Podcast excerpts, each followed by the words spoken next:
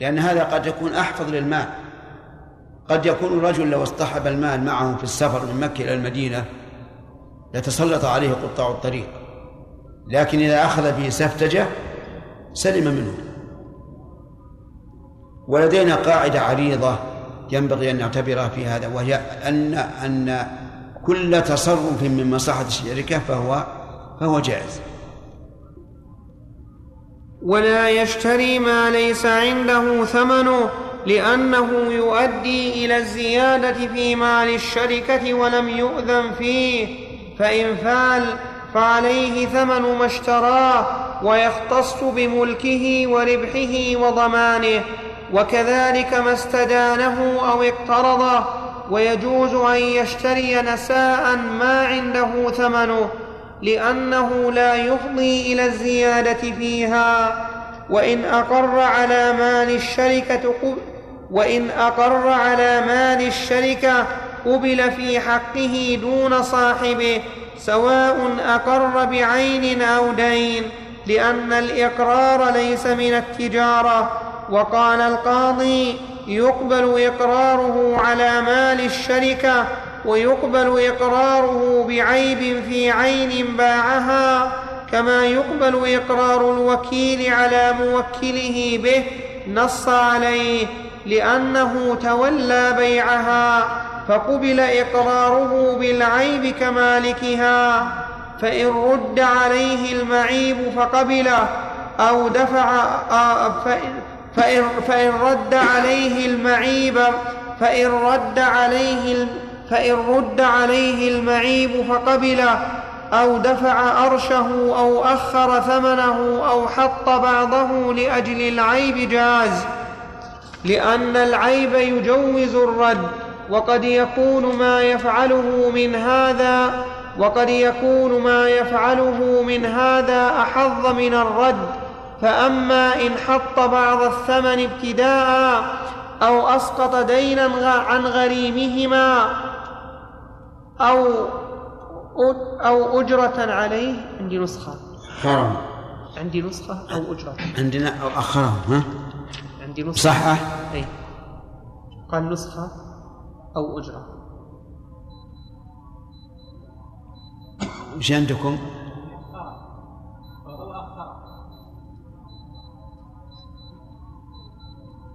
أخره عليه أحسن. يعني أخر الدين. لم يسقط لكن أخره.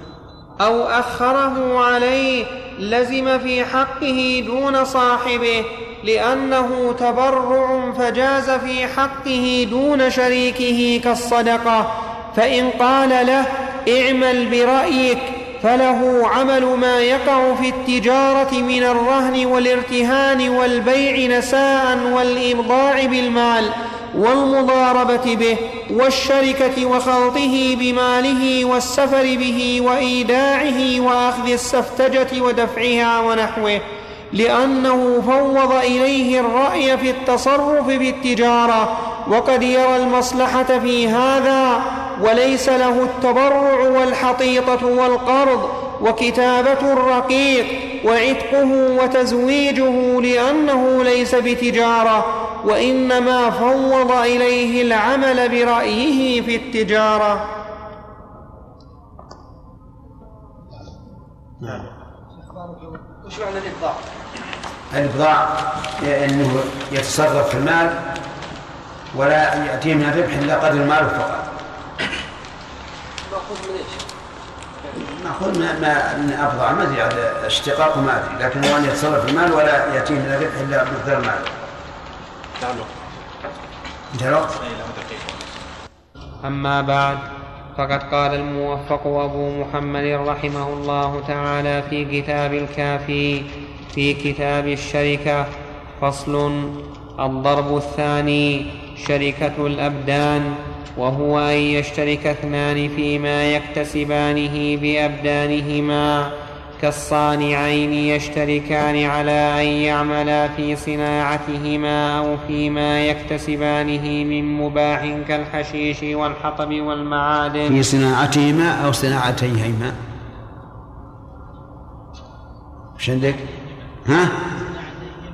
فهي هذا الصواب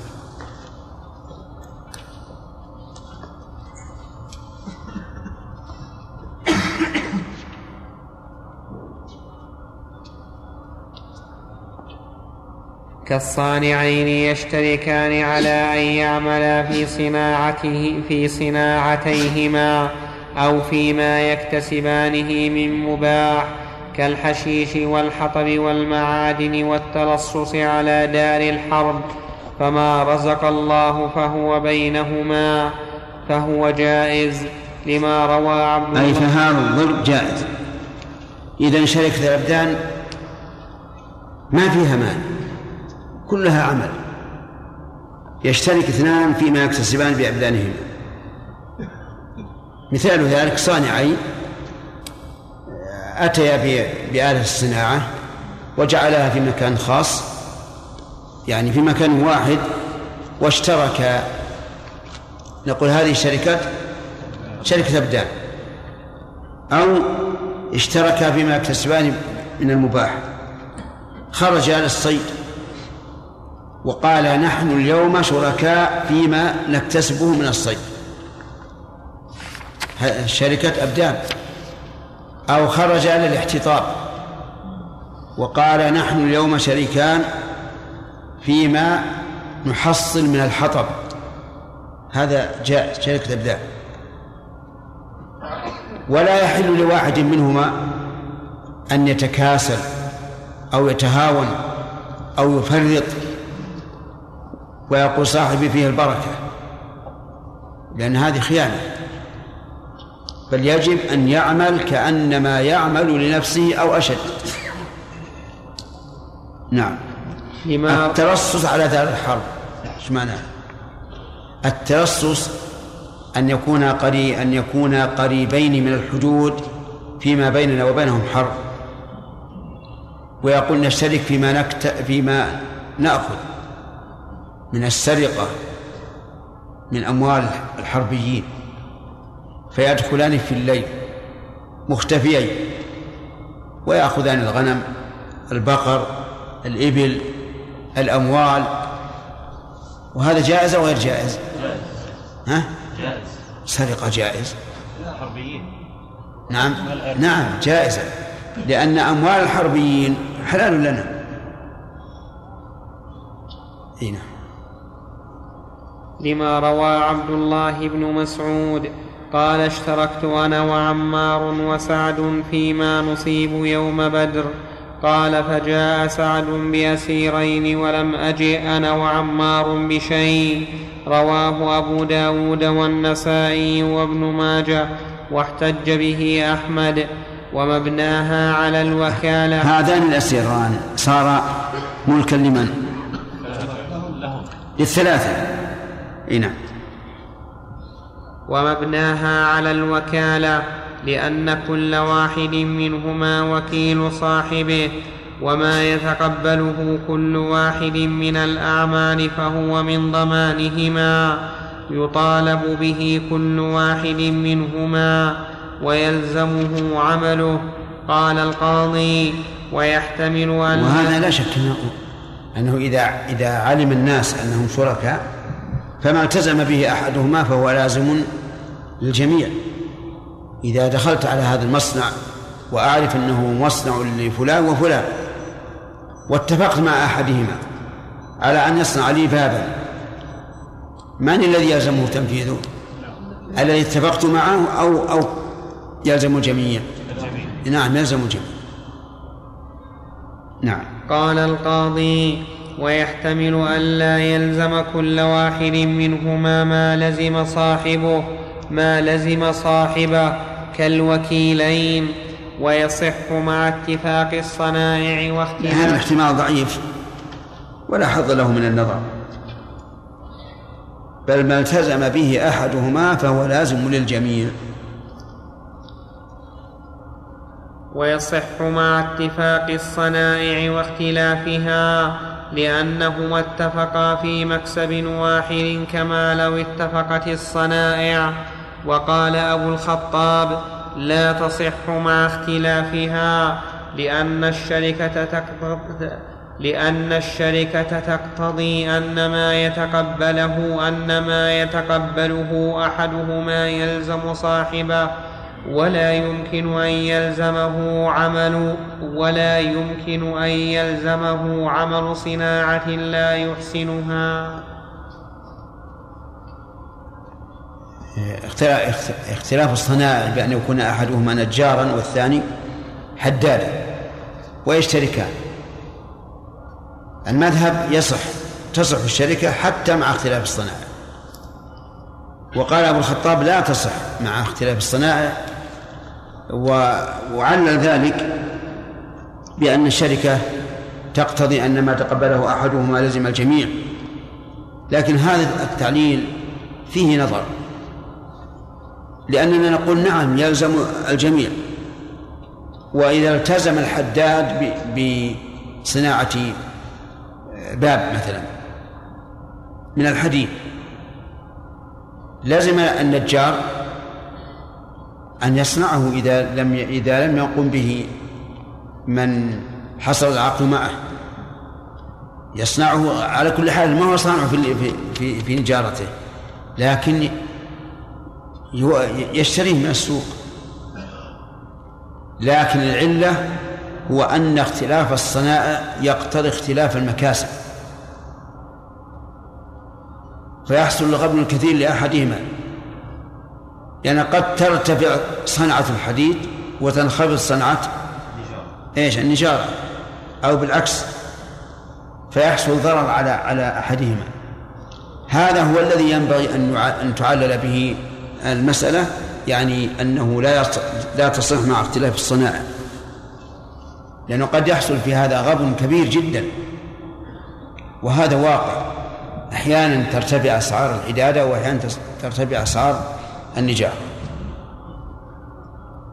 نعم. فصل ور ور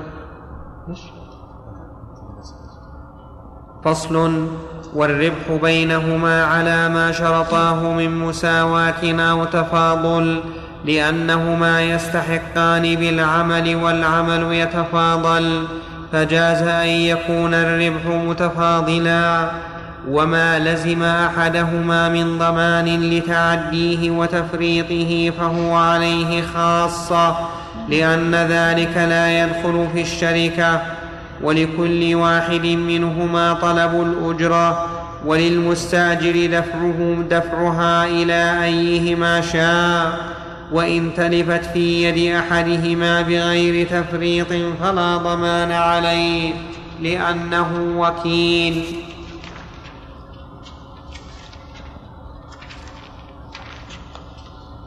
فصل وإن عمل أحدهما دون صاحبه فالكسب بينهما. لحديث ابن مسعود حين جاء سعد بأسيرين وأخفق الآخران. وإن ترك أحدهما العمل لعجز أو غيره فللآخر مطالبته بالعمل أو بإقامة من يعمل عنه أو يفسخ. يعني فإن المطالبه فالكسب بينهما. فإذا قال كيف تجعلون الكسب بيننا وهو لم يعمل قلنا لك الحق أن تطالبه فأنت الذي فرطت في عدم مطالبته. فصل إذا كان لرجلين دابتان فاشتركا على أن يحملا عليهما فما رزق الله تعالى من الاجره فهو بينهما صح ثم ان تقبلا حمل شيء في ذمتهما فحملاه عليهما صح والاجره على ما شرطا لأن تقبل لأن تقبلهما لأن, تقبل لأن تقبلهما الحمل أثبته في ذمتهما وضمانهما والشركة تنعقد على الضمان كشركة الوجوه وإن أجراهما على حمل شيء اختص كل واحد من اختص كل واحد منهما بأجرة دابته. كان عندك أجراهما ولا آجرهما؟ خطية لا بس فيها ألف بعد بعد الراء.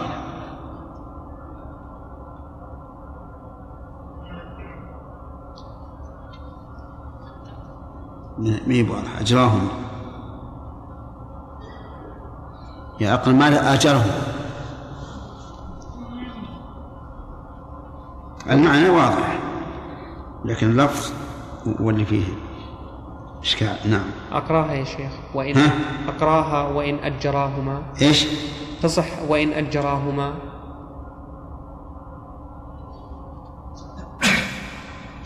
من أجرهم؟ المؤجر واحد.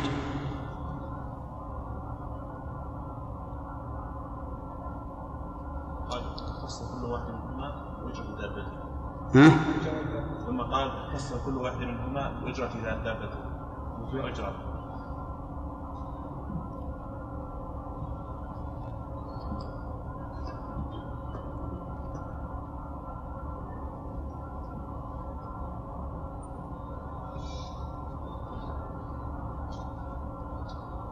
وإن أجراهما. يعني أجرا دابتيهما. طيب إذا اتضح المسألة. وإن أجراهما. شكل عشان ما تشكل.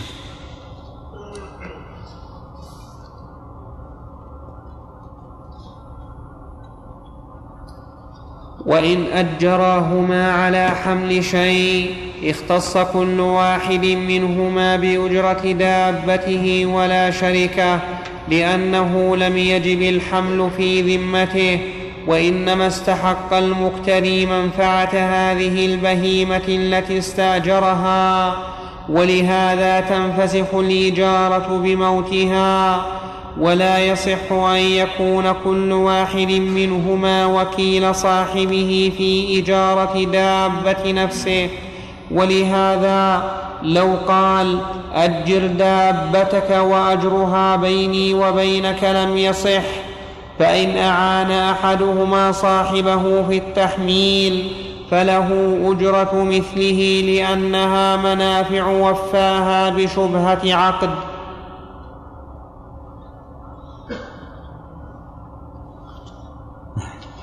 فصل فإن دفع دابته إلى رجل يعمل عليها أو عبده ليكتسب ويكون ما يحصل بينهما نصفين أو أثلاثا صح نص عليه لأنها عين تنمي بالعمل عليها فجاز العقد عليها ببعض نمائها كالشجر في المساقى ونقل عنه أبو داود في من يعطي الفرس على نصف الغنيمة.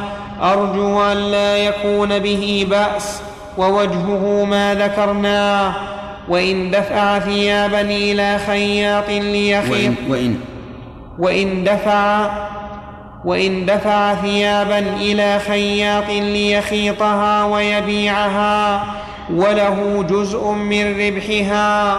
أو غزلا لينسجه ثوبا بثلث ثمنه أو ربعه جاز وإن جعل وإن جعل معه دراهم لم يصلم وإن جعل معه دراهم لم يجز وعنه الجواز.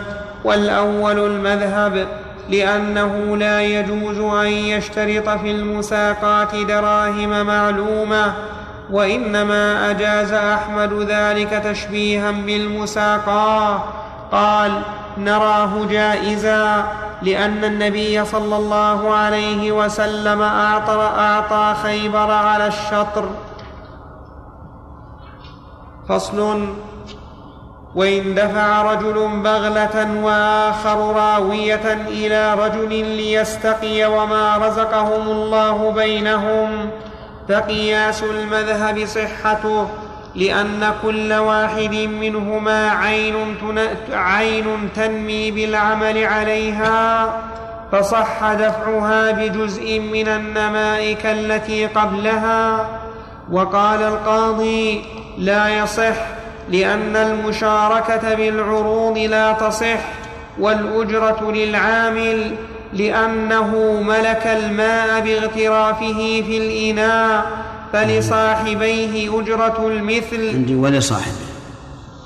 ولصاحبه صاحبيه.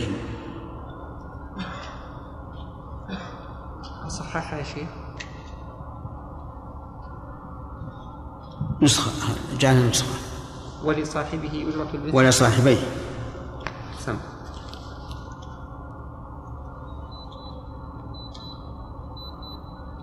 ولصاحبيه أجرة المثل لأنه استوفى منافع ملكهما بشبهة عقد ولو اشترك صانعان على أن يعملا بأداة أحدهما في بيت الآخر والكسب بينهما صح لأن الأجرة على عملهما وبه يستحق الربح ولا يستحق بالآلة والبيت شيء إنما يستعملانها في العمل فصارا كالدابتين في الشركة ولو اشترك صاحب بغل ورا ولو اشترك صاحب بغل وراوية على أن.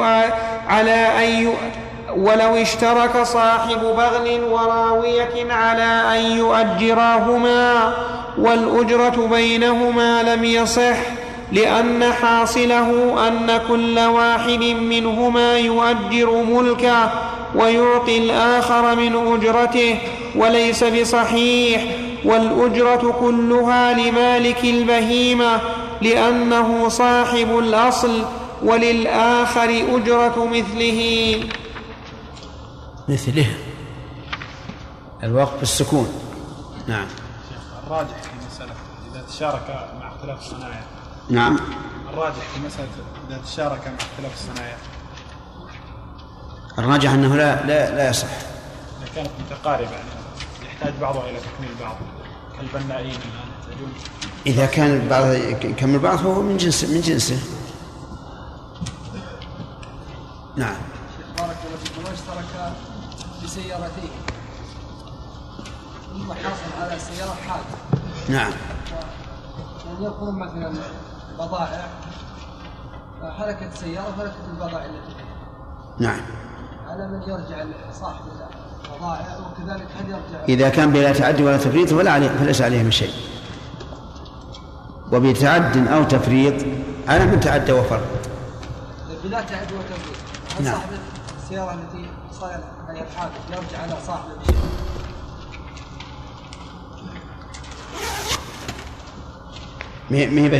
السيارة ما دخلت في الشركة. فلا يرجع بشيء. عليه عليه هو. على صاحب السيارة. لا ما اشتركوا بالسيارة هذول اشتركوا في العمل. شركة الأبدان في العمل فقط. ولا كل له ماله.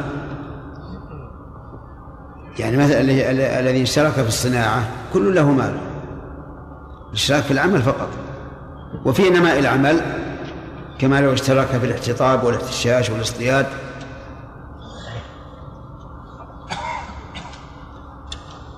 ما انتهى الوقت؟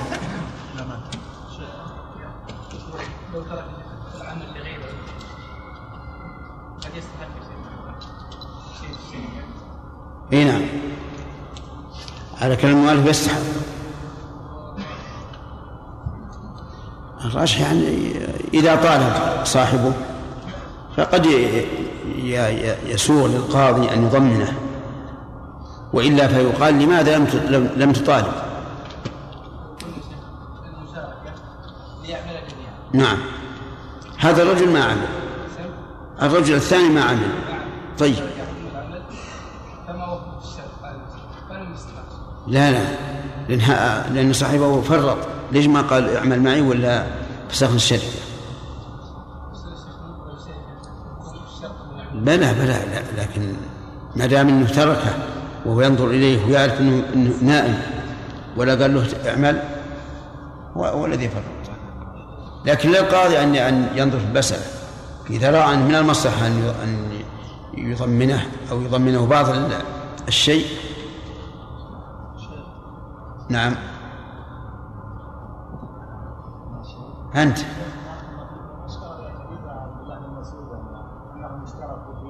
وعمار سعد وعمار سعد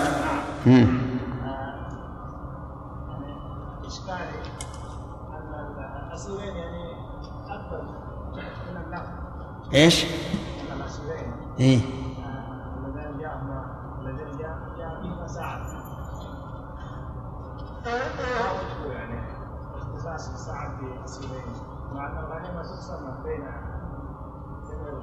آه. هذا في بدر قبل قسم الغنيمة. بدر لم لم تقسم الغنائم. الغنائم قسمت فيما بعد.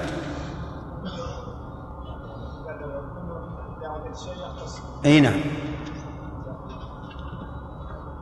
نعم. متى إيش؟ بقول الصحابي وفعله؟ اولا العلماء مختلفون في هذا. لكن الصحيح أن الصحابي إذا كان من كبار الصحابة في فقهه و... وعلمه فإنه في هذه الحال يقدم قوله على على غيره. انتهى الوقت. الضرب الثالث شركة الوجوه.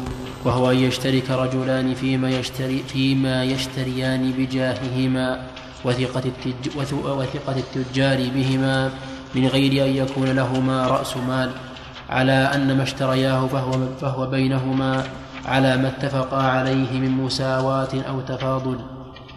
ويبيعان فما رزق الله تعالى من الربح فهو تصورت هذا التعريف؟ رجلان ليس عندهما مال. فذهب إلى محل تاجر وقال نريد أن نشتري منك هذه البضاعة. فاشترياها منه على أنهما شريكان فيها. هذه يسمى شركة الوجوه لأن ما فيها مال. لو كان من كل منهما مال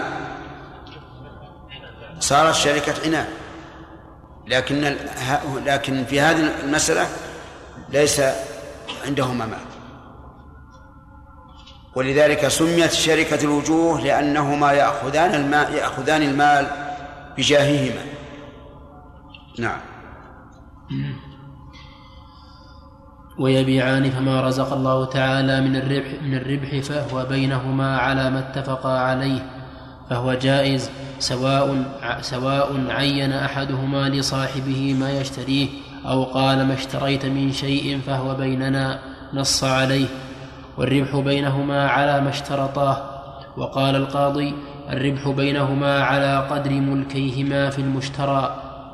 ولنا أنهما شريكان في المال. الفرق بين بينهما إذا كان أحدهما اختار أن يكون له ثلاث أرباع والثاني ربع.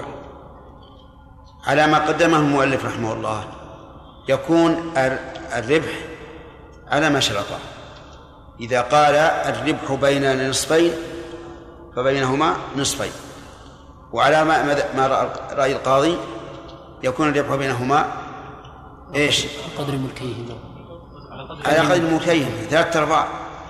ربع لصاحب الربع وثلاثة أرباع لصاحب ثلاثة أرباع. وما قاله القاضي هو الأصل إذا لم يكن شرط. لكن إذا اشترط إذا اشترط فهما على شرطهم. يبقى النظر لو اشترط صاحب الربع ثلاثة أرباع ثلاثة أرباع الربح. يجوز أو لا يجوز؟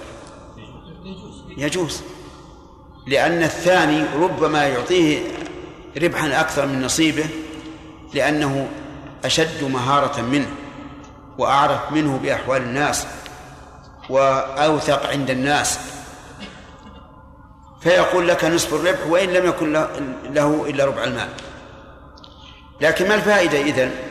نقول الفائدة إذا خسر. إذا خسر فعلى صاحب ثلاثة الأرباع كم؟ ثلاثة أرباع الخسارة. وعلى صاحب الربع ربع الخسارة.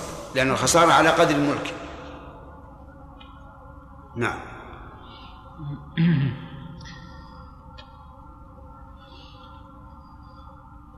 وقال القاضي الربح بينهما على قدر ملكيهما في المشترى ولنا أنهما شريكان في المال فجاز تفاضلهما في الربح مع تساويهما في الملك كشريكي العنان. والوضيعة على قدر ملكيهما والوضيعة على قدر ملكيهما في المشترى لأنه رأس المال. ومبناها على الوفاء الوضيعة يعني الخسارة. نعم ومبناها على الوكالة لأن كل واحد منهما وكيل صاحبه فيما يشتريه ويبيعه وحكمها في جواز وحكمها في جواز ما يجوز لكل واحد منهما أن يمنع منه وحكمها في جواز ما يجوز لكل واحد منهما أو يمنع منه حكم شركة العنان. فصل. الضرب الرابع. شركة المفاوضة. وهو أي وهو أن يشتركا في كل شيء يملكان وهو عندك يا صاحب الخط خطية ولا وهي؟ أين صاحب الخطية وهو يعود على العقد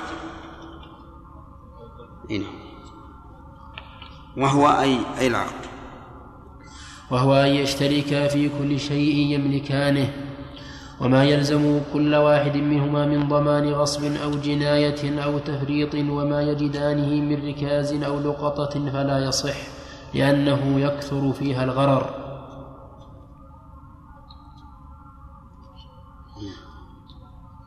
وش اللي عندك؟ خطية؟ الضرب الرابع.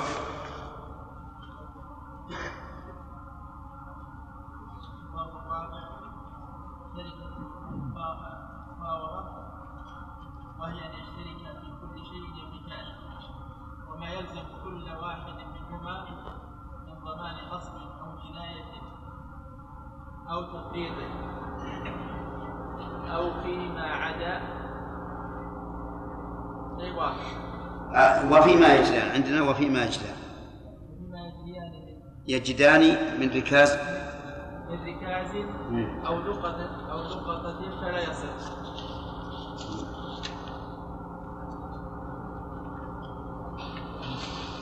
لأنه مباح لأنه يكثر فيها الضرر ولأنها لا تصح من المسلم والكافر. فلا يصح المسلمين كسائر العقود. كسائر العقود المنهي عنها ولأنه يدخل في يدخل فيها أكساب غير محتاجة وحصول ذلك وهم لا يتعلق به حكم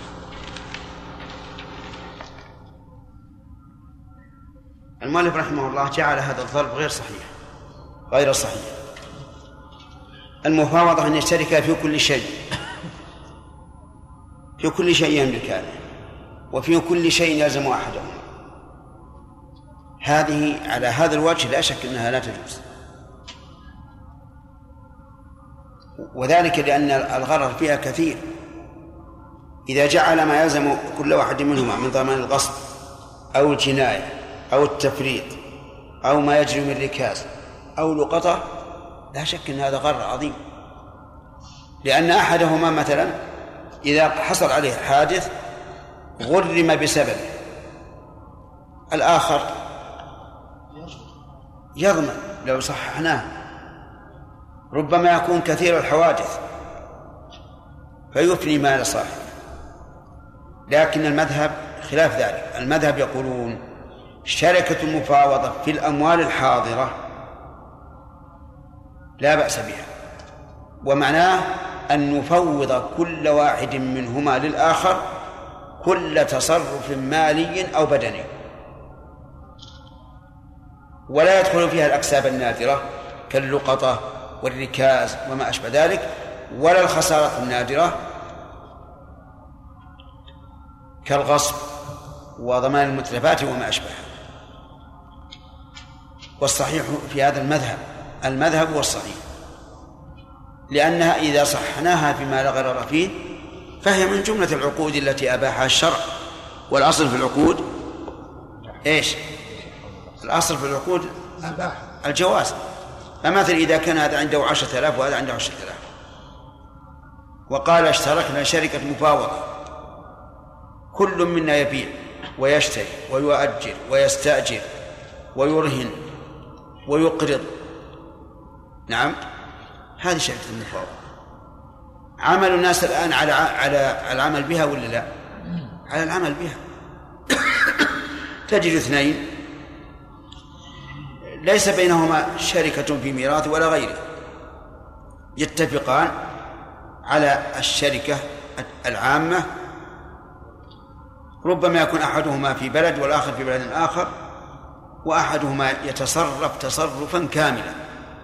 والثاني كذلك.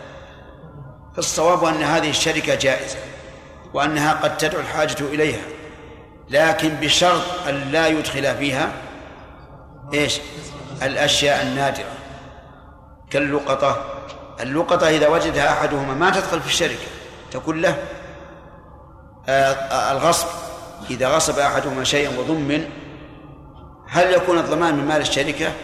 لا يبقى في ذمة الآخر. إلا إذا كان له مال خارج خارج عن الشركة فمن ماله؟ نعم. باب المضاربة. وهو أن يدفع إنسان ماله إلى آخر يتجر فيه والربح بينهما وهي جائزة بالإجماع.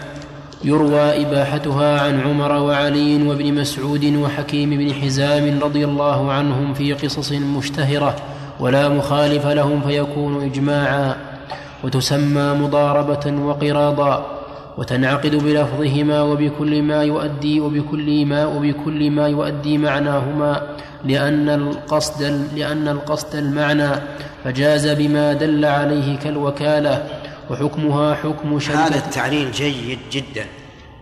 القصد المعنى. فتجوز بكل ما دل عليه.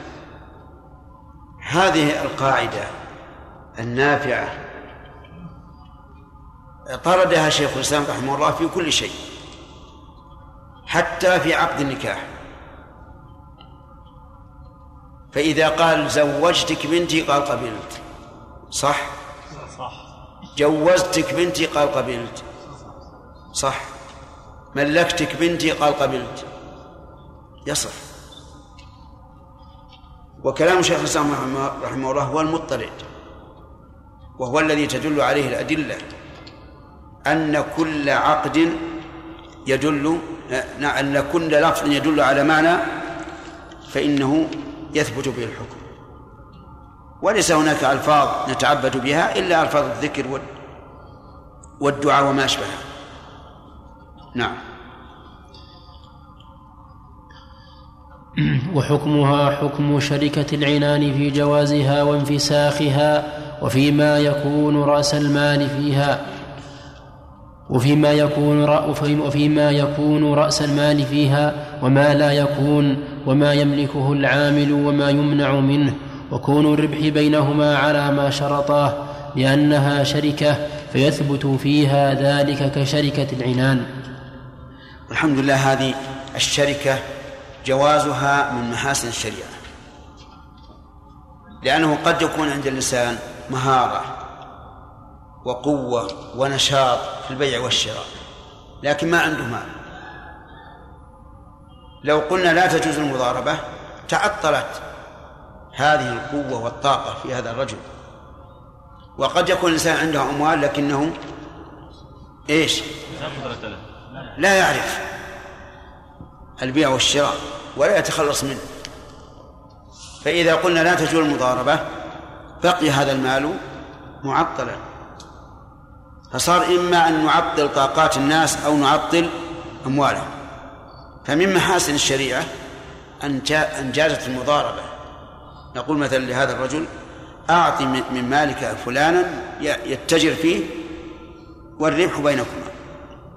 الخسارة الخسارة على رأس المال. ولا يجوز أن نجعل على العامل منها شيئا.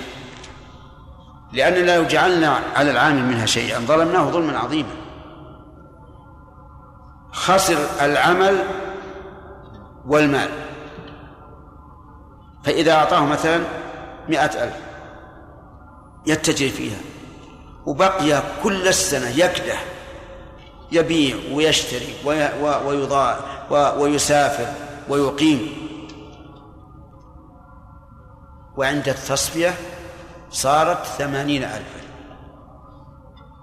لو قلنا العامل عليه عليه خسارة وش بيخسر؟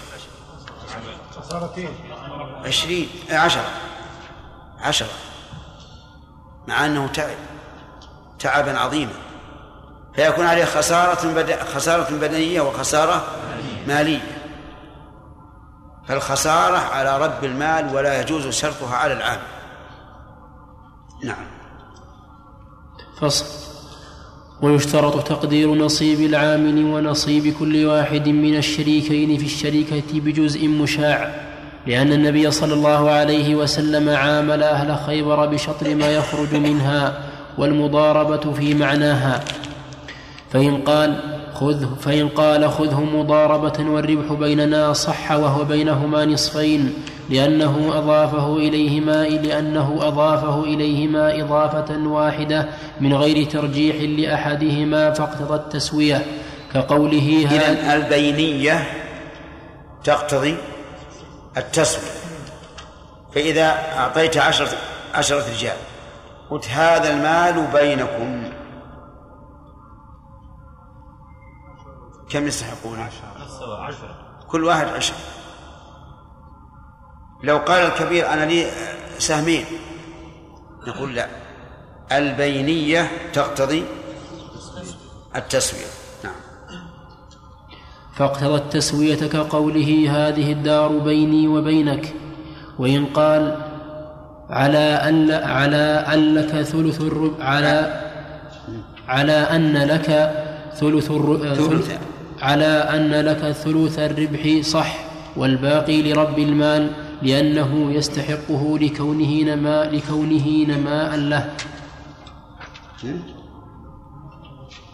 نماء له. لا نماء ماله. لكونه نماء ماله. لكونه نماء ماله. فلم يحتج إلى شرطه. فصل. وإن قال على أن لي على أن لي ثلث الربح ولم يذكر نصيب العامل ففيه وجهان. أحدهما لا يصح لأن العامل إنما يستحق بالشرط ولا شرط له والثاني يصح والباقي للعامل لأنه يدل بخطابه على ذلك كقوله تعالى وورثه أبواه فلأمه الثلث دل على أن باقيه للأب. وإن قال لي النصف ولك الثلث وترك السدس فهو لرب المال لأنه يستحقه بماله.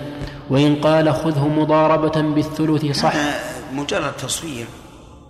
إلا إذا قال لي النصف ولك الثلث سيقول بكل وضوح. وأين يذهب السدس؟ لأنه إذا قال لي نصف الربح ولك ثلث. بقي شيء ولا لا؟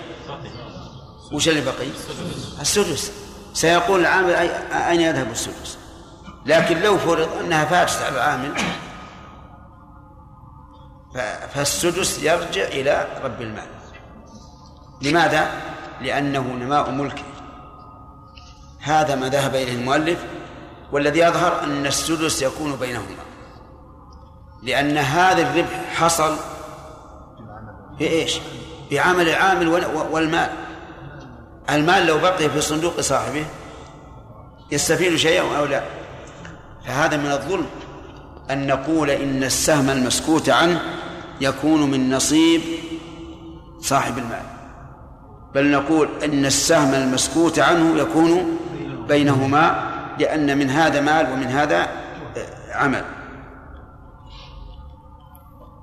وإن قال خذه مضاربة بالثلث صح. وهو للعامل لأن الشرط يراد من أجله ورب المال يأخذه بماله لا بالشرط. ومتى اختلف لمن الجزء لمن الجزء المشروط فهو للعامل لذلك واليمين على مدعيه.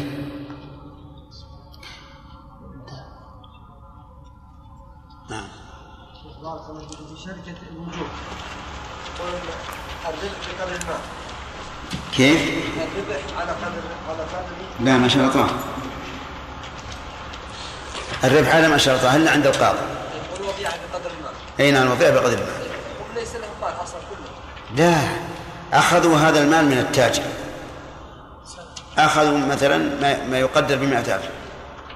وقال نصفه لك ونصفه لي. أو ثلثاه لك وثلثه لي. هم أخذوا المال هم كل واحد أخذ بوجه أخذوا بالتسوية السوية لا اتفقوا على أنهم يأخذون بالتسوية ولكن الملك حسب الشرط. هم أخذوه جميعا واتفقوا على أن هذا له ثلثاه وهذا ثلثه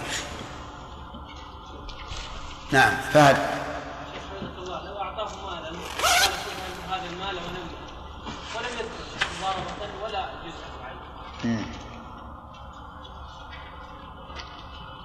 إذا كان من عادة الآخذ آخذ المال أنه يأخذ أموال الناس بسهم معروف حمل العقد عليه أفهمت؟ وإذا لي وإذا لم يكن من عادته أخذ أموال الناس فإنه يعطى آه، إما أجرة مثله وإما سهم مثله وهذا الأصح سهم مثله أفهمت ولا لا؟ طيب نعم. ارفع صوتك. نعم. إذا اشترك أجر إيش؟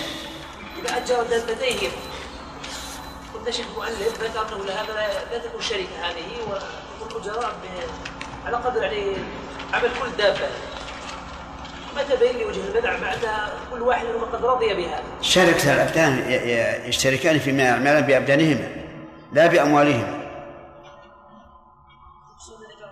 إما احتشاش وإلا احتطاب وإلا غسيل ثياب مثلا أو خياطة أو ما أشبه ذلك. إيش الصورة؟ قول مثلا كل واحد منهم دابة مثلا يؤجره إيش؟ يؤجر كل واحد كل واحد منهم دابة له دابة للآخر؟ لا كل واحد منهم دابة يؤجرها لحمل متاع طيب. المؤلف شيخ قال انه هذه لا تكون شركة. هذه ما هو- ما هناك شركة. كل واحد له ما له دابته و- وأجرته.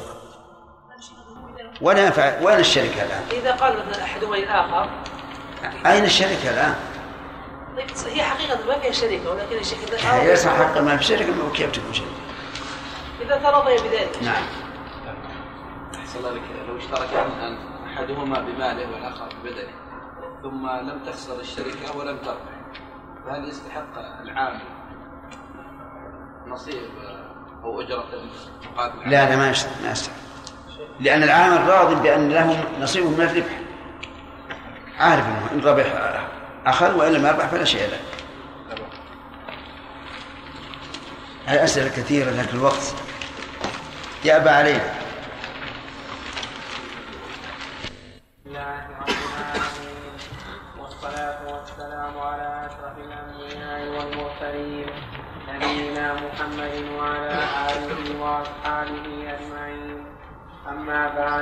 فقد قال الموفق أبو محمد رحمه الله تعالى في كتاب الكافي في باب الشركة فصل الضرب الثالث شركة الوجوه وهو أن يشترك. رجل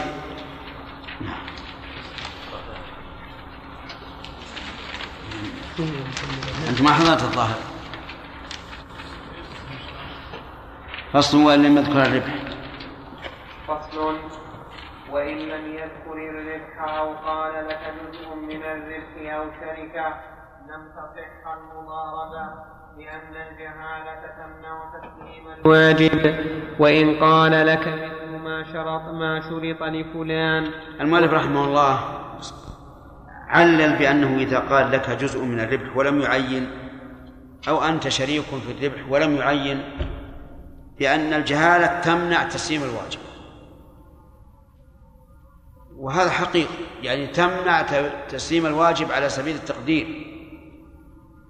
لكن خير من ذلك أن يقول لأن النبي صلى الله عليه وسلم نهى عن بيع الغرر.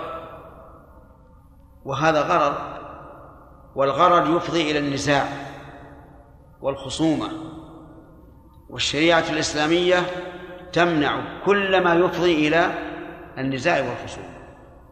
هذا هو هو التعليل الصحيح. تعليله لا بأس به قائم لكن الأولى أن نعلل بالنص والمعنى الذي ترمي إليه تومي إليه الشريعة الإسلامية. نعم. وإن قال لك مثل ما شرط لفلان وهم وهما يعلمانه صح وإن جهلاه أو أحدهما لم يصح ولا يجوز والصحيح أنه يصح إذا كان فلان ممن عرف بالتجارة وممارسة الأشياء. لأن كونهما يقيدانه بهذا الرجل المعروف بأنه ذو خبرة أحسن من كونهما يقدرانه بأنفسهما. لأنه ربما يقول لك نصف الربح وهو لا يستحق أو لك ربعه وهو لا يستحق. فالصواب أن يقال إذا كان هذا الرجل الذي قيد الشرط في في عمله إذا كان من أهل الخبرة والمعرفة فلا بأس. نعم. ولا يجوز أن يشرط لأحدهما دراهم معلومة لأنه يحتمل أن لا يربحها أو لا يربح غيرها فيختص أحدهما بجميع الربح. ولو شرط لأحدهما ربح أحد الألفين أو أحد الكيسين أو أحد العبدين وللآخر ربح الآخر أو جعل حقه في عبد يشتريه أو أنه إذا اشترى عبدا أخذه برأس المال لم يصح لإفضائه إلى اختصاص أحدهما بالربح. صحيح. والأصل في الشركة أنها مبنية على التساوي في المغنم والمغرم هذا هو الأصل فإذا جعلت على وجه يختص بالربح أحدهما صارت قمارا وميسرا فقاعدة الشركة من شركة العنان إلى آخر الشركات قاعدتها هذا أنه لا بد أن. أن يتفق الشريكان في المغنم والمغرم نعم. وإن قال خذه مضاربة والربح كله لك أو قال لي لم يصح لأن موضوعها على الاشتراك في الربح فشرطه كله فشرطه كله له ينافي فشرطه. فشرطه كله له فشرطه. فشرطه ف... فنعم فشرطه كله له ينافي نعم. مقتضى العقد فبطل. وإن قال خذه فاتجر به والربح, والربح كله لك فهو قرض لأن اللفظ يصلح للقرض. وقد قرن به حكمه فتعين له. وإن قال والربح كله لي فهو إبضاع لأنه قرن به حكمه. والفرق بين هذه الأخيرة قال خذه فاتجر به والربح كله لك وقوله خذه مضاربة. أنه في الأول قال خذه مضاربة والمضاربة لا تصح على أن يكون الربح كله للعامل. الذي يصح والربح كله للعامل هو القرض.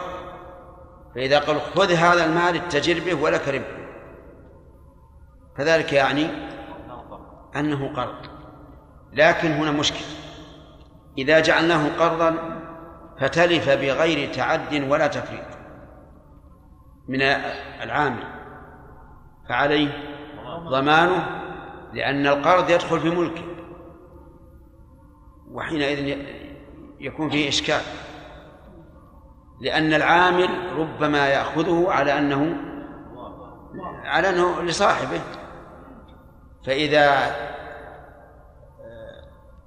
هلك أو فإذا تلف المال بلا تعد ولا تفريط فيكون ضمانه على على رب المال. فهذه ينظر فيها هل فيها المسألة خلاف أو لا وهل يرجع في هذا إلى العرف؟ نعم.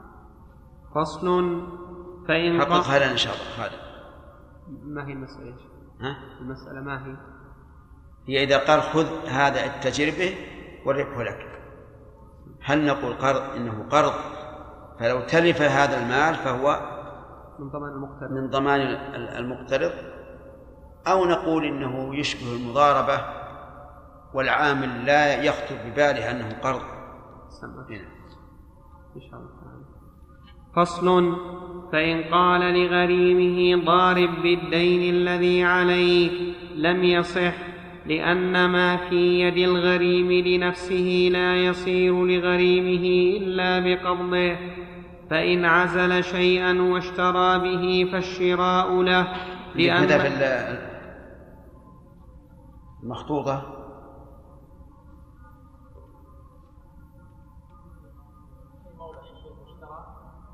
الموضع لم يصح لأن ما في يد الغريب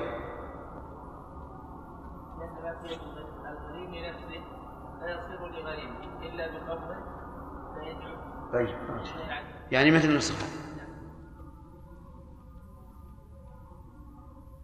نعم. فإن عزل شيئا واشترى به فالشراء له لأنه اشترى بماله ويحتمل أن تصح المضاربة لأنه اشترى له بإذنه ودفع المال إلى من أذن له في دفعه إليه. فبرئت به ذمته وإن كانت له هذا الاحتمال هو الصحيح. إذا قال لغريمه يا فلان أعطي فلانا ألف ريال مما في ذمتك مضاربة. الصواب أن هذا جائز لأنه وكله والوكالة جائزة إلا فيما فيما يكون حراما. وإن كانت له وديعة فقال للمودع ضارب بها صح لأنه عين ماله. وإن كان عرضا فقال لأنه أو لأنها مخطوطة مذكر؟ يعني لأن المال. نعم. وإن كان عرضا فقال بعه وضارب بثمنه صح لأن الثمن عين مال رب المال. وإن قال وإن قال اقبض مالي على فلان وإن قال اقبض مالي على فلان فضارب به ففعل صح. لأنه وكيل في قبضه فيصير كالوديعة. فصل ويصح أن يشرط على العامل أن لا يسافر بالمال ولا يتجر به إلا في بلد بعينه أو نوع بعينه أو لا يعا أو لا يعا أو لا يعامل إلا رجل أو لا يعامل إلا رجلا بعينه لأنه أذن في التصرف فجاز ذلك فيه كالوكالة ويصح توقيتها فيقول أحسن لأن عندكم أذن الهمزة فوق الألف. إي نعم.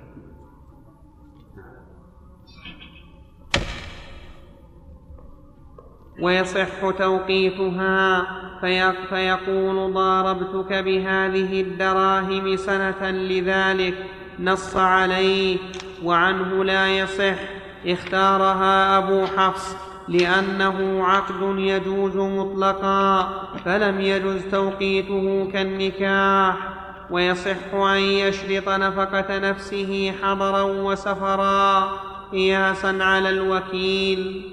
أن يشرط نفقته؟ نفقة نفسه يعني المضارب. المضارب الذي أخذ المال يصح أن يقول آه، النفقة على المال حضرا وسفرا.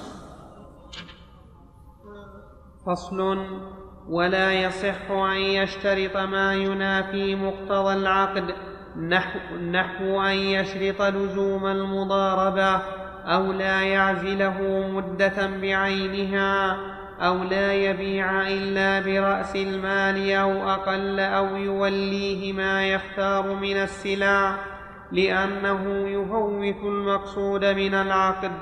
وإن شرط أن يتجر له في مال آخر في مضارب مال آخر.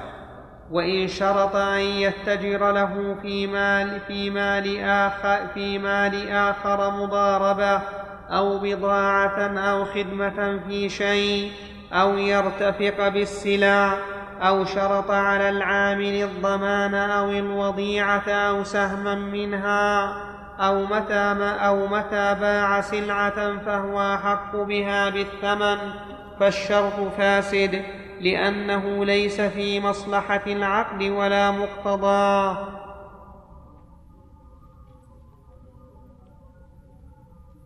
فصل وكل شرط يؤثر في جهالة الربح يبطل المضاربة لأنه يمنع التسليم الواجب.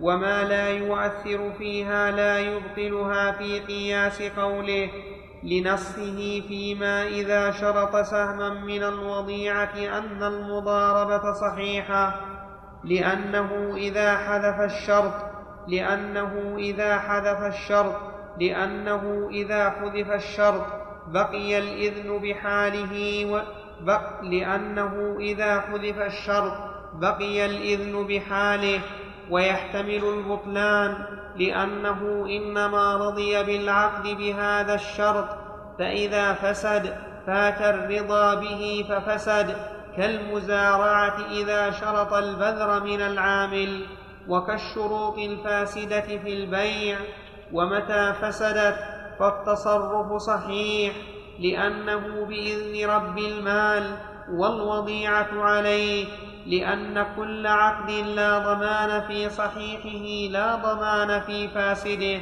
والربح لرب المال لأنه نماء ماله وإنما يستحق هنا بالشرط. ما عندنا ليس عندي. تصحيح. خطية. ها هنا. صح.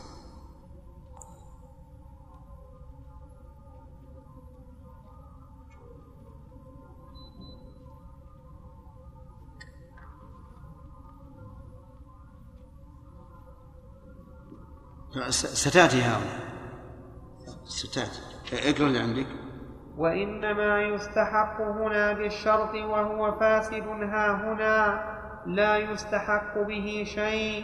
وللعامل أجرة مثله لأنه بذل منافعه بعوض لم يسلم له. سلم. لم يسلم له. هذا الذي مشى عليه المؤلف رحمه الله أن المضاربة الفاسدة يكون للعامل أجرة العمل. ويكون الربح كله لرب المال. والصواب أنه لا يستحق أجرة العمل وإنما يستحق السهم. يعني سهم مثله. لأن الأصل في المضاربة أنها مشاركة. وبناء على هذا القول إذا لم تربح المضاربة فلا شيء للعامل. لأن العامل دخل وإن كان عقد فاسدا دخل على أنه شريك في الربح. وأنه إذا لم يربح إيش؟ فلا شيء له. فعليه نقول الصواب في هذه المسألة أنه إذا فسدت المضاربة فللعامل سهم مثله. إن ربحت وإن لم تربح فلا شيء له. لأن العامل نفسه داخل على هذا. داخل على أنه إذا لم تربح فلا شيء له. فكيف نعطيه أجرة المثل؟ وربما تكون أجرة المثل تحيط بالربح كله. إي نعم. نعم. وإن, وإن فسدت الشركة قسم الربح على رؤوس أموالهما ورجع كل واحد منهما على الآخر بأجر عمله لما ذكرنا. وقال الشريف أبو جعفر الربح بينهما على ما شرطا لأنه عقد يجوز أن يكون عوضه مجهولا فوجب المسمى في فاسده كالنكاح. هذا في في مسألة العناء ما هي في المضاربة؟ لأن على رؤوس أموالهما المضاربة ما فيها رأس مال للجميع رأس المال للمضارب فقط.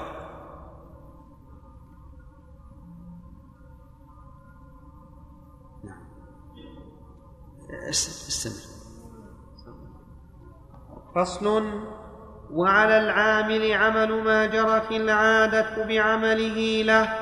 من نشر وطي وإيجاب وقبول وقبض ثمن ووزن ما خف كالنقود والمسك والعود لأن إطلاق الإذن يحمل على العرف والعرف أن هذه الأمور يتولى والعرف أن هذه الأمور يتولاها بنفسه. وإن استأجر من يفعلها فعليه الأجرة في ماله لأنه بذلها عوضا عما يلزمه وما جرت العادة أن يستنيب فيه كحمل المتاع ووزن ما يثقل والنداء فله أن يستأجر من مال القراض من يفعله لأنه العرف فإن فعله بنفسه ليأخذ أجرتها لم يستحقها. نص عليه لأنه تبرع بفعل لأن لأنه تبرع بفعل بفعل ما لم يلزم لأنه تبرع بفعل ما لم يلزمه فعله فلم يكن له ما عندنا ما لم يلزمه. تصحيح. خطية. ها؟ ما لم يلزم. أحسن. فلم, فلم يكن له أجر كالمرأة التي تستحق على زوجها خادما إذا خدمت نفسها ويتخرج أن له الأجر لأنه فعل ما يستحق الأجر فيه فاستحقه كالأجنبي. لا الصحيح الأول أنه لا شيء له. يعني إذا فعل المضارب ما لا يلزمه في مال المضاربة فإنه لا لا يستحق شيئا لأنه متبرع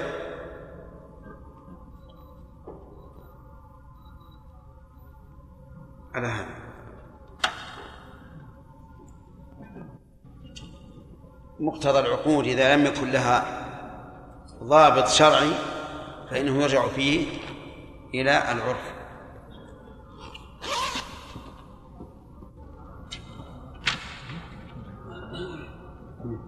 إيه. نعم يقول فهو قرض لا قراضا لأن قوله خذه فاتجر به يصلح لهما وقد قرن به حكم القرض فانصرف إليه. وإن قال مع ذلك ولا ضمان عليك فهذا قرض شرط فيه نفي الضمان فلا ينتفي بشرطه. كما لو صرح به فقال خذ هذا قرضا ولا ضمان عليك. هذا الذي ذكره ولم يذكر خلافا في المسألة. وش الإشكال؟ أصل الإشكال ما أصل الإشكال فيما إذا كان قرض. هل يكون عليه الضمان أو لا يكون عليه الضمان؟ إذا كان قرض عليه ضمان. على مقترض. حتى لو شرطنا في الضمان ما يصح.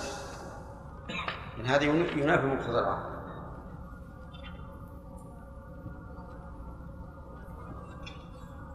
هذا محمد نور. يقول راجعت شركة المفاوضة في المغني لابن قدامة فيظهر أنه حصل في الكافي سقط لأنه ذكر في المغني أن شركة المفاوضة نوعا صحيحة وفاسدة وذكر في الكافي نوعا واحدا وهو النوع الفاسد هو ها؟ ما هي لي هذه؟ نعم ما هي الورقة؟ من هي عبد الرحمن إبراهيم نعم عبد الرحمن إبراهيم. أنت اللي أعطيتني اياه ولا قلت من هذه من فلان. الاسم موجود يعني. نعم. الاسم موجود. الاسم موجود صحيح. نعم. أقول المفاوضة نرجع لها.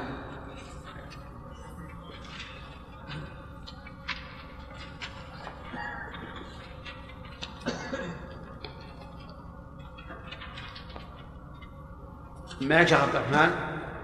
أعطني إياه خلينا نقرأ خالد. أي مسألة؟ نعم. أي مسألة؟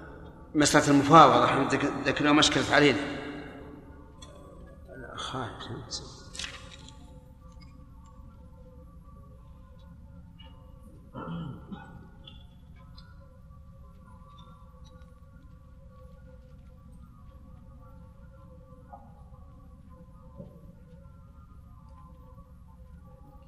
خالد عشان يعني بسم الله الرحمن الرحيم. الحمد لله رب العالمين. وصلى الله وسلم وبارك على البشير النذير نبينا محمد وعلى آله وأصحابه أجمعين. أما بعد فقد قال الموفق أبو محمد رحمه الله تعالى في كتاب الكافي في كتاب المغني. فصل وأما شركة المفاوضة فنوعان أحدهما أن يشتركا في جميع أنواع الشركة مثل أن يجمعا بين شركة العنان والوجوه والأبدان فيصح ذلك لأن كل نوع منها يصح على انفراده فصح مع غيره. والثاني أن يدخلا بينهما في الشركة الاشتراك فيما يحصل لكل واحد منهما من ميراث أو يجده من ركاز أو لقطة ويلزم كل واحد منهما ما يلزم الآخر من أرش جناية وضمان غصب وقيمة متلف وغرامة الضمان أو كفالة فهذا فاسد. وبهذا قال الشافعي وأجازه الثوري والأوزاعي وأبو حنيفة وحكي ذلك عن مالك وشرط أبو حنيفة لها شروطا وهي أن يكونا حرين مسلمين وأن يكون مالهما في الشركة سواء وأن يخرجا جميع ما يملكانه من جنس الشركة وهو الدراهم والدنانير.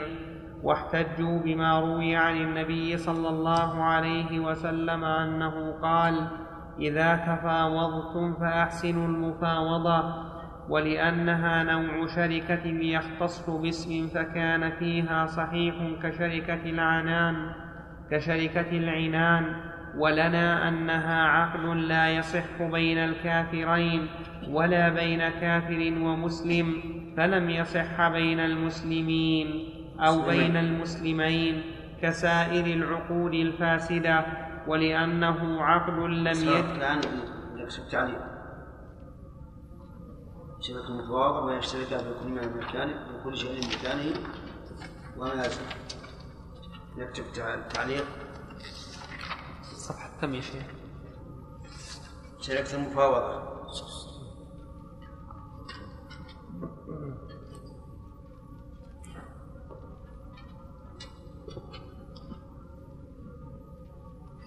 عند قوله فلا يصح.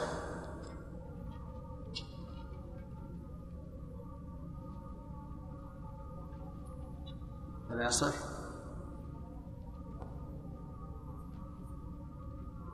اقتصر المؤلف رحمه الله.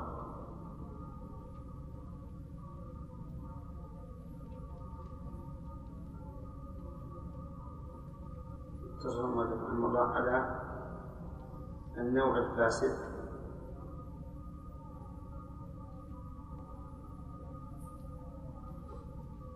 من شركة المفاوضة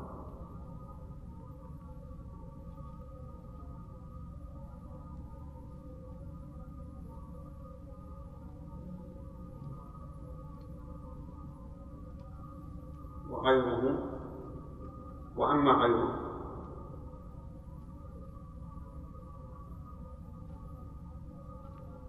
فذكر النوعين. الصحيح والفاسد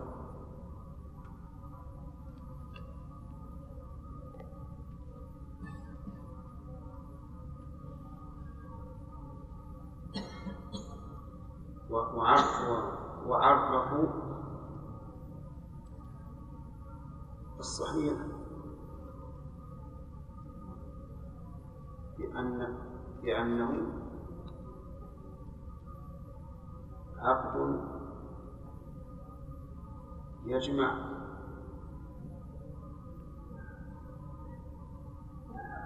بين أنواع الشركة.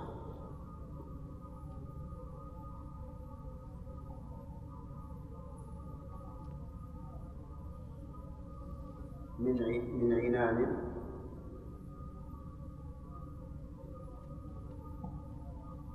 ومضاربة.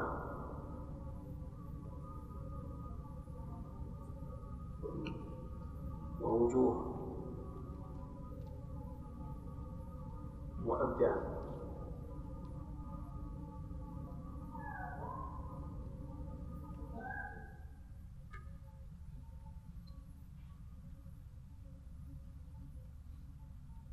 فليعلم ذلك.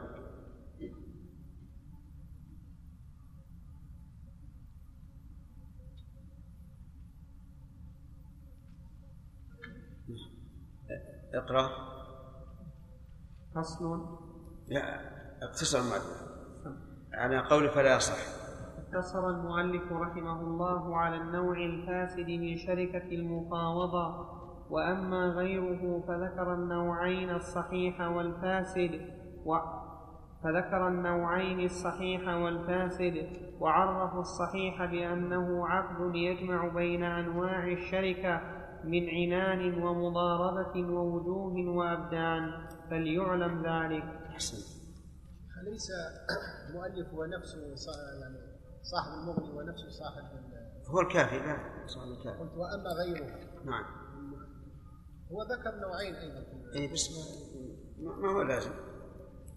غيره من المنتهى والاقناع وزاد المستقنع كلهم ذكروا.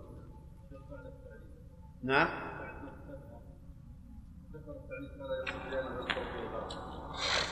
اي نعم. هذا الفاسد. بعد التعليق. ها؟ بعد التعليق. لا التعليق مستقل. مو على أنه من سور الكتاب.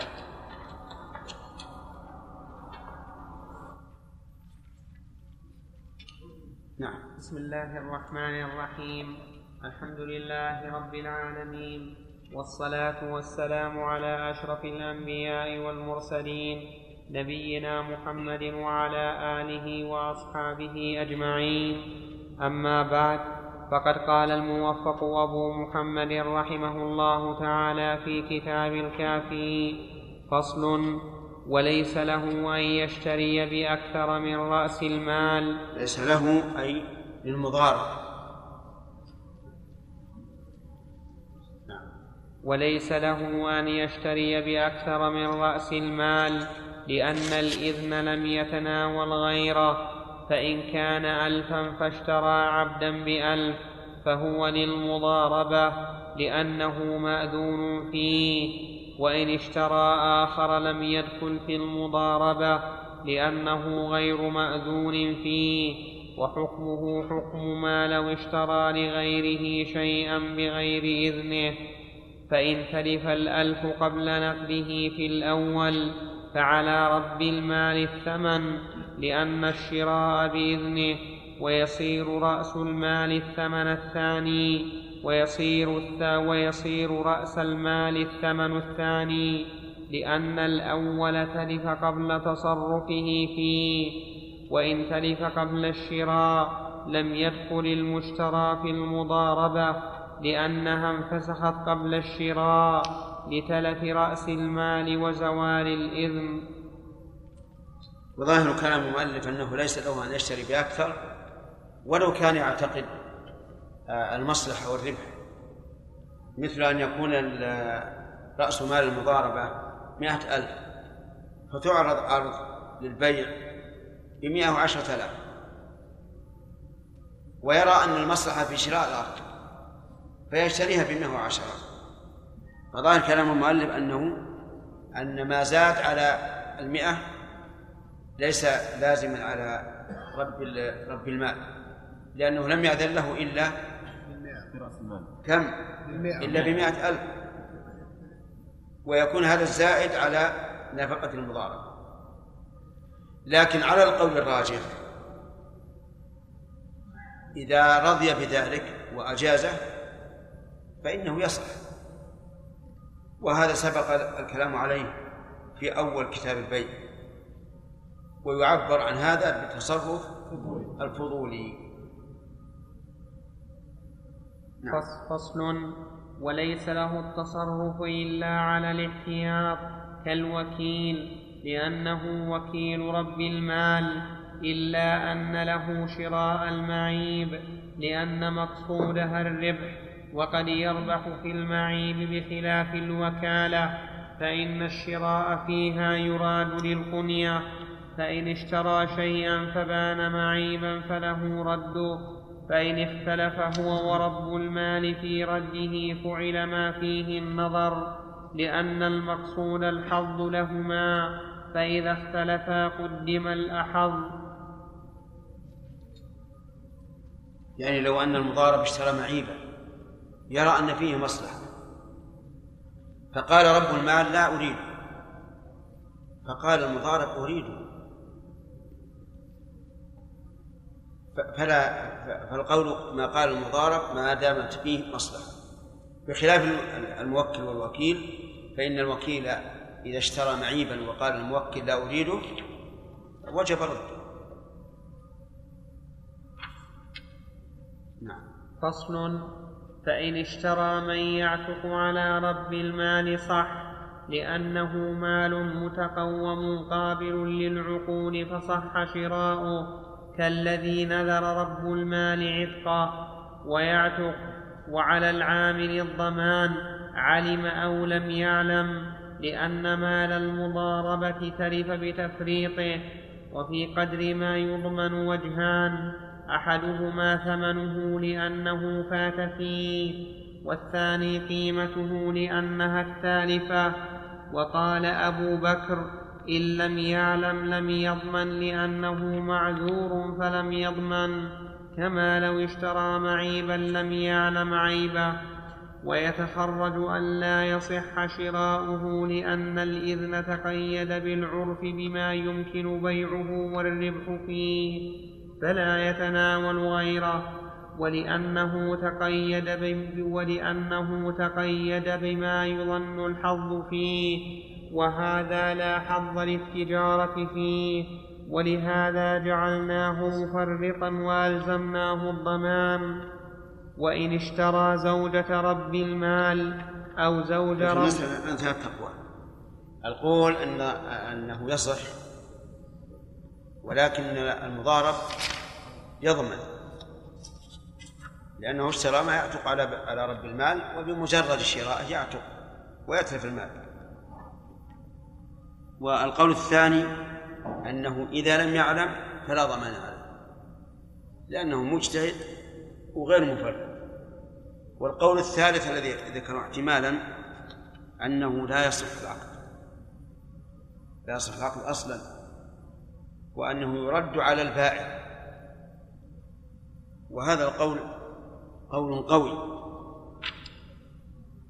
أما إذا كان يعلم أي المضارب أنه ممن يعتق على رب المال فهنا نقول البيع صحيح وعليه الضمان. والكلام فيما إذا لم يعلم. وإن اشترى زوجة رب المال أو زوج ربة المال صح. وانفسخ النكاح لملكه إياه فإن كان قبل الدخول فعلى العامل نصف الصداق لأنه أفسد نكاحه فأشبه من أفسده بالرضاع. فصل. نعم. كيف؟ وقت السؤال. نعم. ما ما في أحد ما, ما في إشكال. وهذه أيضا مسائل ال- الآن ليست موجودة مسألة العتق نعم يا آدم. ها؟ السؤال ده يروح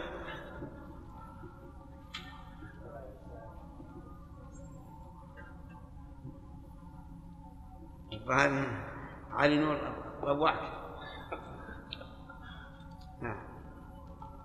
يلا جمعة شيخ أحسن الله إليك. قلنا إن الوارث نعم. الوارث إذا كان آه، موروثه غني يجب أن ينفق عليه. كيف؟ القريب القريب. ها. القريب الذي يرث قلنا يجب عليه النفقة إذا كان فقير. وكان غني. إذا كان فقير كيف يرجع عليه النفقة؟ ما عنده مال. لا هو غني ووارثه فقير. أي نعم. هو غني ووارث فقير. ها. قلنا يجب عليه النفقه ما يجب عليه النفقة النفقة على الوارث. لا على الموروث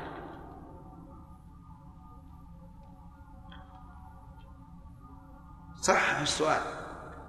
هذا هو السؤال شيخ. ما هو صحيح هذا؟ الوارث ها. من الأقرباء. طيب. وهو فقير. طيب. وقريبه غني قريب. إيه. طيب. غني. نعم. يعني بصلة إذا مات يورثه يرثه نعم. قلنا إذا بصلة هذه القرابة إذا هو فقير ينفق عليه. صح السؤال فيه؟ إذا كان الوارث غنيا والموروث فقيرا وجب على الوارث أن ينفق عليه. صحيح؟ إيه. بمقتضى هذا يا شيخ أحسن الله إليك. أنا نقول أن القريب إذا كان عبدا يجب أن يشتري ويعتق لا لا ما يجب. لا يجب لأن العبد الآن ما هو ما هو في حاجة. عنده سيده ينفق عليه وليس في حاجة. العبودية يا شيخ. نعم. العبودية هذا عاد اللي قدر الله. نعم. شيخ بارك الله فيكم واذا اشترى بأكثر من راس المال المضارب نعم. قلنا يتوقف على إجازة رد المال على القول الراجح نعم. شيخ أليس جرى العرف أن الإنسان إذا كان له راس مال يشتري حتى بأكثر منه؟ من باب التجاره فلماذا إذا كان مضارب يرى في مصلحه يصح كل إجازة رد راس المال يعني لأن رب المال يقول أنا لا أريد أن أن أن أشتري بأكثر من من رأس مال. لأن لو خسرت مشكلة. طيب شيخ هل هذا يتوقف على شرطه؟ كيف؟ نعم. لا هذا صحيح. هذا واقع. لأنه إذا اشترى مثلا ب 100000 وعشرة آلاف ثم نزل السعر. معناه أن هذا رب المال خسر أكثر من ماله. لا نعم. تلف إذا- تلف إذا قدر أنه تلف أو غصبت الأرض. أو استحقت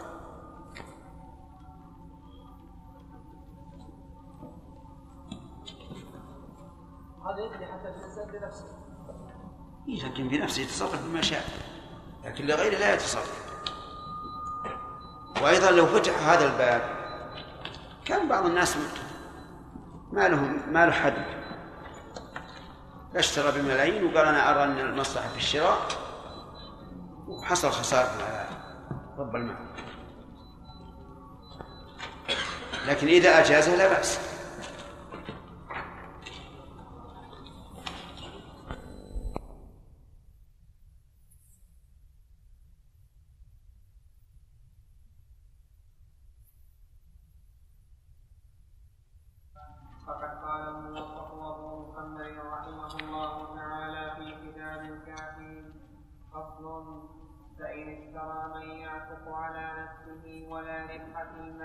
لم وإن ظهر فيه ربح وقلنا لا يملك العامل إلا بالقسمه لم يعتق أيضا. وإن قلنا يملكه بالظهور عتق عليه قدر حصته منه وسرى إلى باقيه إن كان موسرا وغرم قيمته وإن كان معسرا لم يعتق عليه إلا ما ملك. وقال أبو بكر لا يعتق بحال. لأنه لم يتم الملك من ربح كونه وقاية لرأس المال. فصل. وليس له وطء جارية من المال فإن فعل فعليه المهر لأنها مملوكة غيره ويعزر. نص عليه ولا حد عليه لشبهة حقه فيها. وقال القاضي عليه الحد إن لم يظهر الربح لأنه لا ملك له فيها والأول أولى لأن ظهور الربح ينبني على التقويم وهو غير متحقق فيكون شبه وهو غير متحقق فيكون شبهة فإن ولدت منه ولم يظهر ربح فالولد مملوك ولا تصير به الجار ولا تصير به الجارية أم ولد لأنها علقت به في علقت به. لأنها علقت. لأنها علقت به في غير ملك وإن ظهر ربح فالولد حر وأمه أم ولد وعليه قيمتها ويسقط من القيمة والمهر قدر حصة العامل منها وإن أذن له رب المال في التسري فاشترى جارية خرجت من المضاربة وصار ثمنها قرضا لأن استباحة البضع لا تكون إلا بملك أو نكاح لقول الله تعالى إلا على أزواجهم أو ما ملكت أيمانهم. فصل.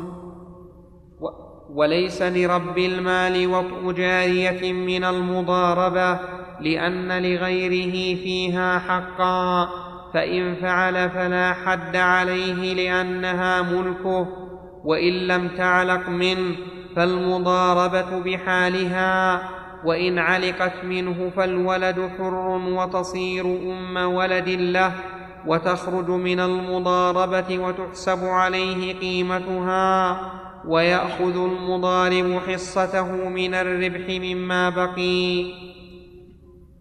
فصل وليس له دفع المال مضاربة لأنه إنما دفع إليه المال وليس له دفع المال مضاربة لأنه إنما دفع إليه المال, المال ليضارب به وبهذا يخرج عن كونه مضاربا فإن فعل فهو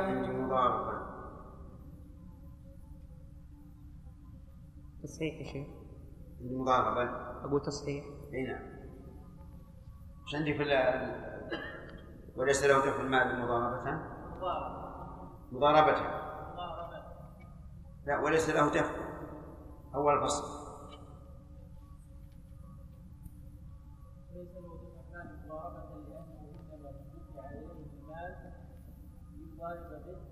ولهذا يخرج عن كونه مضاربة نعم. صحيح. وبهذا يخرج عن كونه مضاربا. فإن فعل فهو مضمون على كل واحد منهما على الأول لتعديه وعلى الثاني لأخذه مال غيره بغير إذنه. فإن غرم الأول ولم يعلم الثاني بالحال لم يرجع عليه لأنه دفعه إليه أمانة وإن علم رجع عليه. وإن غرم الثاني مع علمه لم يرجع على أحد وإن لم يعلم فهل يرجع على الأول على وجهين بناء على المشتري من الغاصب وإن ربح صحيح انه يرجع لأنه مغرور بس هذه المسألة مفهومة عندكم ولا غير مفهومة؟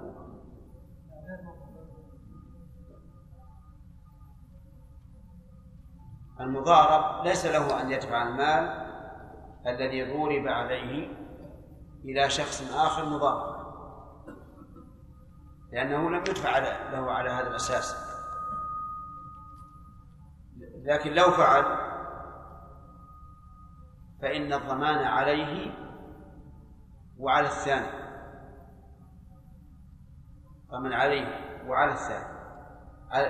وجه ذلك بالنسبة للأول أنه متعدي غير مأذون له فيه. بالنسبة للثاني أنه تلف تحت يده. واضح ولا غير واضح؟ واضح طيب. بالنسبة للضمان إن ضمن الأول لم يرجع على الثاني إلا إذا علم الثاني أنه ملك غير المضارب وأنه تعدى بإعطائه إياه فيرجع عليه لأنه تلف تحت يده. وإن ضمن الثاني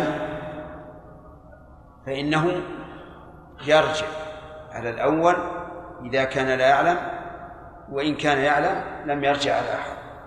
وقول يرجع الأول هذا على القول الراجح لأنه ذكر فيه وجهين. والراجح أنه يرجع. نعم.